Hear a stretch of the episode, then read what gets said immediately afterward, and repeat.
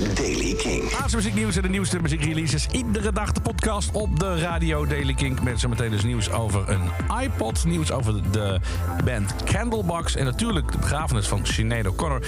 Eerst nog eventjes het weer. Na het oplossen van de mist is het vooral in het noorden eerst zonnig. Aan het einde van de ochtend en vanmiddag dan raakt het bewolkt. Maar pas later op de middag dan lossen de wolken grotendeels op. En het wordt zo'n 18 tot 22 graden.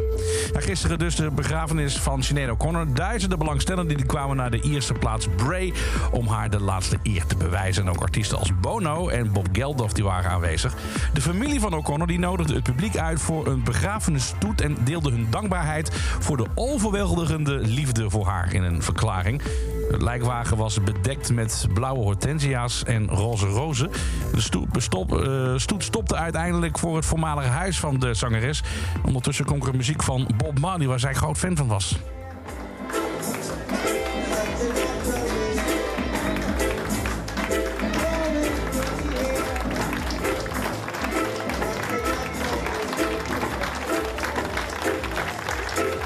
Op 26 juli werd O'Connor dood aangetroffen in haar appartement in Londen op 56-jarige leeftijd. De officiële doodsoorzaak is nog niet vrijgegeven, maar er wordt niet vermoed dat er iets verdacht is. Sindsdien hebben medemuzikanten zoals Tori Amos, Foo Fighters en Alanis Morissette eer betoond door haar nummers te coveren tijdens concerten.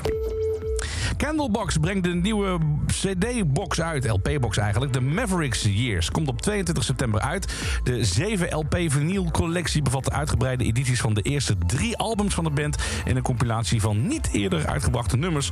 Candlebox zal ook een laatste album, The Long Goodbye, op 25 augustus uitbrengen... en zijn momenteel bezig met een afscheidstournee van uh, Three Doors Down, of met Three Doors Down. En een eerste generatie Apple iPod is vorige week verkocht voor, hou je vast, 29.000 US dollars. De iPod werd oorspronkelijk in 2001 door de ouders van een tiener gekocht als kerstcadeau voor hun zoon. Het werd destijds gekocht voor 399 dollar in een Apple winkel in Texas.